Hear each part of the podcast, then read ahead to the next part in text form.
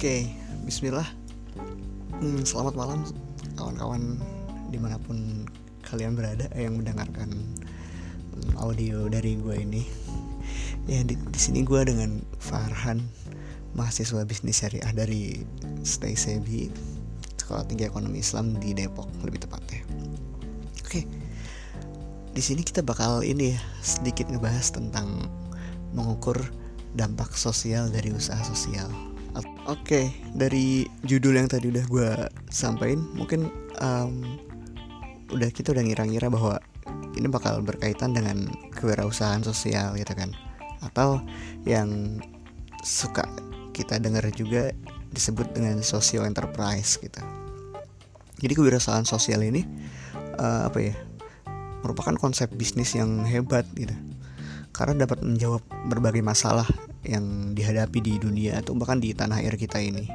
Kayak mungkin kita semua tahu dengan adanya kita bisa bisa membantu um, korban bencana atau membantu orang-orang yang membutuhkan gitu tentang pendanaan atau uang atau dengan um, banyak usaha-usaha yang berdayakan warga-warga lokal untuk menjadi tenaga kerjanya itu kan artinya dapat meningkatkan uh, dapat mengurangi pengangguran gitu kan. Dan banyak contoh-contoh lainnya yang udah bertebaran di di Indonesia gitu kan. Nah, jadi sebenarnya apa sih yang ngebedain gitu kan? Social enterprise nih atau kewirausahaan sosial ini dengan usaha-usaha nirlaba pada umumnya gitu yang jelas ini uh, dua konsep bisnis yang berbeda gitu. Di mana kalau konsep bisnis nirlaba pada umumnya kan kita mungkin hanya sekedar mengejar keuntungan kayak gitu. Tapi apabila di social enterprise ini kewirausahaan sosial ini ada sebuah nilai ada sebuah value yang kita kejar juga. Jadi nggak sekedar keuntungan tapi ada di situ ada value juga yang kita kejar. Jadi sustainable gitu. E, dua-duanya tetap bisa berjalan Nah terus gimana nih? Biar dua-duanya tetap bisa berjalan.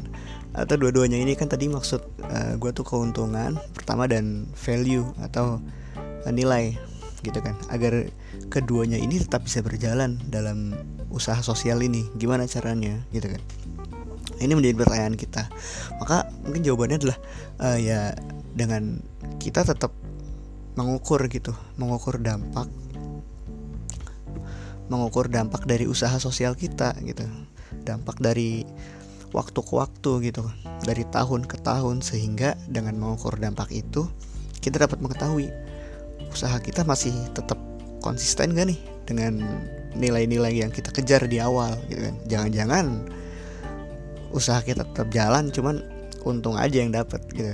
Nilai-nilai sosial kita tinggalin gitu kan. Itu kan uh, ketika itu disadari dalam beberapa waktu atau tahun setelah kita membuka usaha sosial misalkan itu kan. Itu kan artinya uh, itu kan menjadikan kita kayak wah ternyata gue kayak gini sekarang. Dan pengen balik lagi juga kayak udah kadung kayak gini yang terjadi kayak itu nanti bakal ngubah konsep lagi. Jadi kayak menyesal gitu karena mungkin kita sebagai pelaku apa ya ibaratkan deh kita sebagai pelaku usaha sosial tidak menginginkan hal-hal kayak gitu terjadi. Karena itu artinya udah melenceng dari nilai-nilai awal dari idealisme awal yang kita kejar gitu kan. Nah oke. Okay. lalu emang apa aja sih gitu kan pentingnya dengan kita mengukur dampak sosial dari usaha sosial kita ini gitu? Nah di sini gue ada beberapa uh, poin mungkin ya yang menjadi alasan untuk pentingnya kita mengukur dampak sosial itu. Nah, yang pertama adalah memudahkan untuk mencari investor. Nah, masalah pendanaan ini ternyata menjadi apa? Masalah yang lumayan kompleks. Karena ini pendanaan merupakan sebuah aspek yang urgent kan dan uh, di tengah apalagi di tengah di tengah zaman apa ya di tengah waktu-waktu akhir-akhir ini gitu kan di mana usaha-usaha sosial ini semakin banyak sehingga ya menimbulkan persaingan dalam memperebutkan investor kayak gitu mungkin. Nah, maka di sini perlu nih kredibilitas dari usaha kita itu dengan dibuktikan dengan catatan laporan apa ya laporan keuangan gitu kan yang kita punya gitu atau di sini kita punya konsep pengukuran laba atas investasi sosial gitu ya, yang disebut dengan SROI gitu. Karena dengan SROI ini kita bisa dapat nih bisa mengukur laporan laba dari investor investor dana sosial ini investor untuk usaha sosial ini gitu. Pokoknya nanti deh kita bahas tentang SROI ini gitu. Dengan SROI ini intinya kita bisa mengetahui nih uh, dampak sosial yang kita ciptakan dampaknya ini bisa kita uangkan gitu loh. Kayak gitulah nanti kita bahas. Nah itu yang pertama. Itu memudahkan untuk mencari investor. Nah yang kedua dengan kita mengukur dampak sosial ini dampak positif ini kita bisa memastikan nih usaha sos usaha kita masih sesuai jalur atau enggak. Gitu.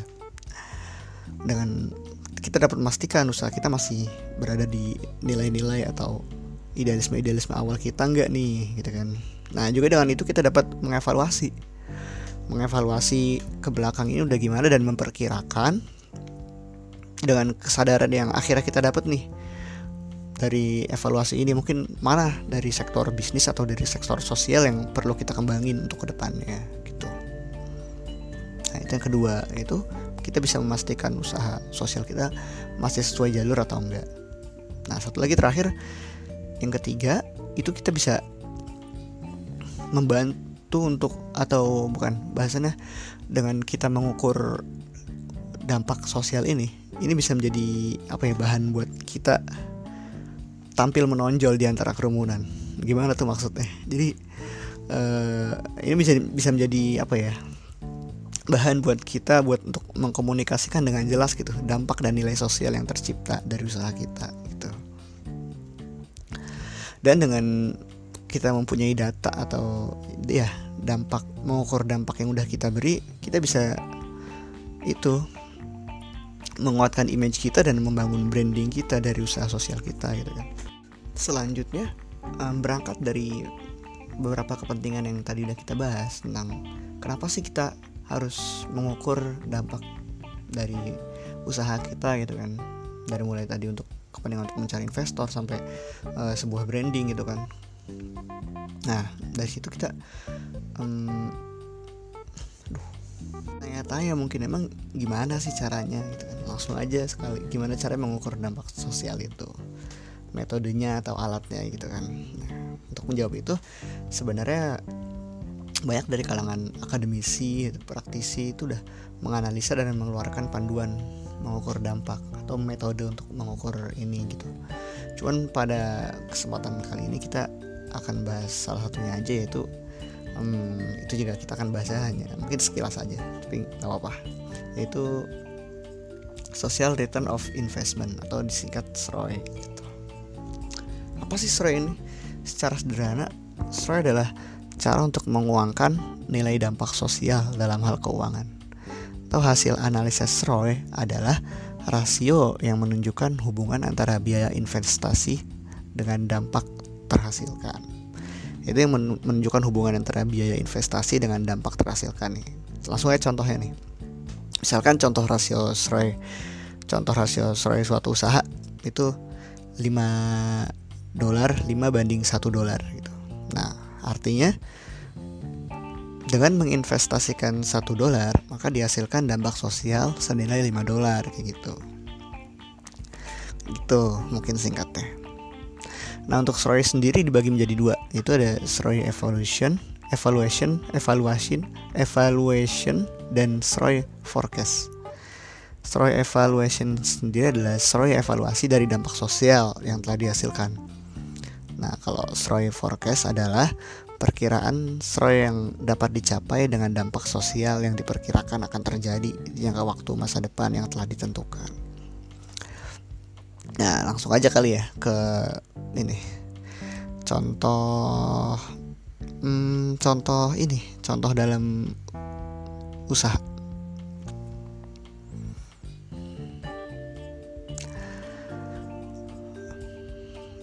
dalam perhitungan SROI mungkin bisa dimulai dengan mendeskripsikan input dan output dari sosial dari usaha sosial ini. Itu kan kita ngutip dari news economics newseconomic.org gitu. Langsung aja. Uh, diceritakan ya nama nama sosial entrepreneurnya kalau di sini adalah get out to work atau GOTW kita singkat gitu. Jadi GOTW ini biaya investasi awalnya adalah 51 ribu dolar per tahun. Nah, kesuksesan GOTW diukur dari tiga target. Yang pertama, membantu 163 orang mencari pekerjaan dalam dua tahun pertama. Nah, yang pertama nih, yang kedua, memastikan setidaknya 12 orang mendapatkan pekerjaan. Lalu yang ketiga, mengurangi tingkat reoffending untuk kelompok lainnya. Lalu dalam realisasinya, pada akhir tahun pertama, GOTW berhasil satu membantu 110 orang mencari pekerjaan. Kedua, 19 di antaranya mendapatkan pekerjaan. Nah, ketiga, tingkat reoffending 15% berkurang dibandingkan tingkat rata-rata nasional. Nah, gitu. Nah, untuk langsung aja ya. Input biaya investasi kan sebesar 51 ribu dolar kan tadi di awal. Nah itu ini inputnya. Jadi dalam metode SROI ini kita ini mem, apa ya membagi antara input output outcome dan impact. Nah langsung aja. Nah inputnya itu kan 51 dolar, ribu dolar. Nah lalu outputnya menghasilkan sebanyak 110 orang terlibat dalam program dalam mencarikan pekerjaan ini. Nah, itu outputnya. Lalu outcome outcome-nya apa? Outcome-nya terbagi dua, yaitu secara langsung ya berupa 19 orang tadi yang mendapatkan pekerjaan dari 110 orang ini dan secara tidak langsung mengurangi tingkat reoffending sebesar 15%.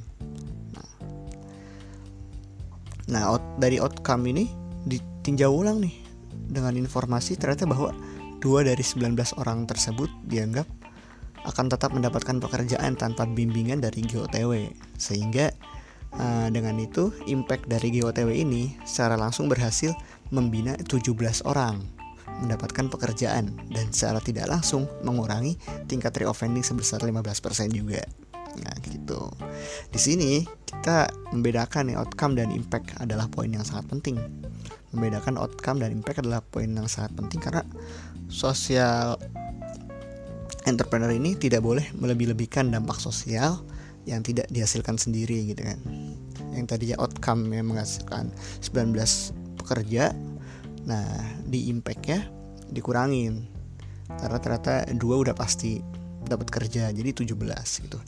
Mungkin dalam uh, lini bisnis lain ya ini bisa menyesuaikan gitu ya. Karena kan eh, dampak dari usaha sosial kan nggak hanya dari segi apa ya mungkin dari segi dari ekonomi kita juga bisa dari segi lingkungan atau kesehatan. Nah itu tinggal menyesuaikan aja gitu. Dan dampak ini ini dampak sosial di atas barulah dampak dalam bentuk kualitatif. Nah lalu dari dampak kualitatif ini kemudian di bisa nih kalau dalam apa ya stroy ini dalam metode stroy ini dari dampak kualitatif ini kita ke kuantitatifkan dalam bentuk uang. Nah itu itu ya. Nah untuk contoh nih. Contoh mengkuantitatifkan dari dampak kualitatif nih. Uh,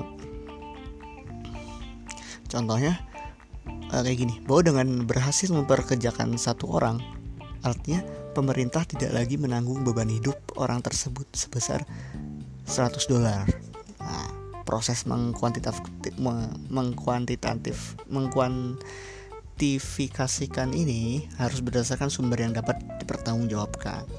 Nah kalau lah untuk penghitungan sendiri ada rumusnya kawan-kawan. nah Berikut adalah rumus perhitungan dampak sosial ya. Rumus ROI-nya itu tangible plus intangible atau value to the community plus value atau tangible plus intangible ya dibagi total waktu dan total um, uang gitu. Nah. Oke setelah dengan rumus itu nih kita hitung nih dan setelah kita hitung kan itu kan menjadi data dampak sosial kuantitatif di tahun pertama nih. Nah, dampak sosial tersebut diproyeksikan ke empat tahun berikutnya sehingga menjadi total jangka waktu lima tahun. Kenapa lima tahun? Karena jangka waktu minimum untuk menghitung nilai SROI itu lima tahun gitu.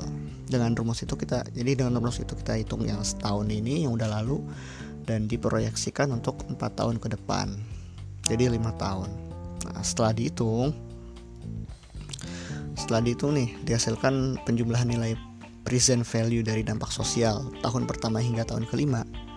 Um, ternyata kalau dari GOTW ini didapatkan total nilai sebesar 543.000 dolar. Atau rasio SROI-nya didapatkan dengan membagi nilai dampak sosial sebesar tersebut 543.000 dolar tadi dengan biaya investasi sebesar biaya investasi awal itu sebesar 51.000 dolar tadi yang awal nah maka perbandingannya rasionya adalah 5 5 5 banding 1 gitu. Artinya ya artinya ini sama kayak yang tadi contoh di awal. Dengan uh, untuk investasi sebesar 1 1 dolar dihasilkan dampak sosial senilai 5 dolar kayak gitu.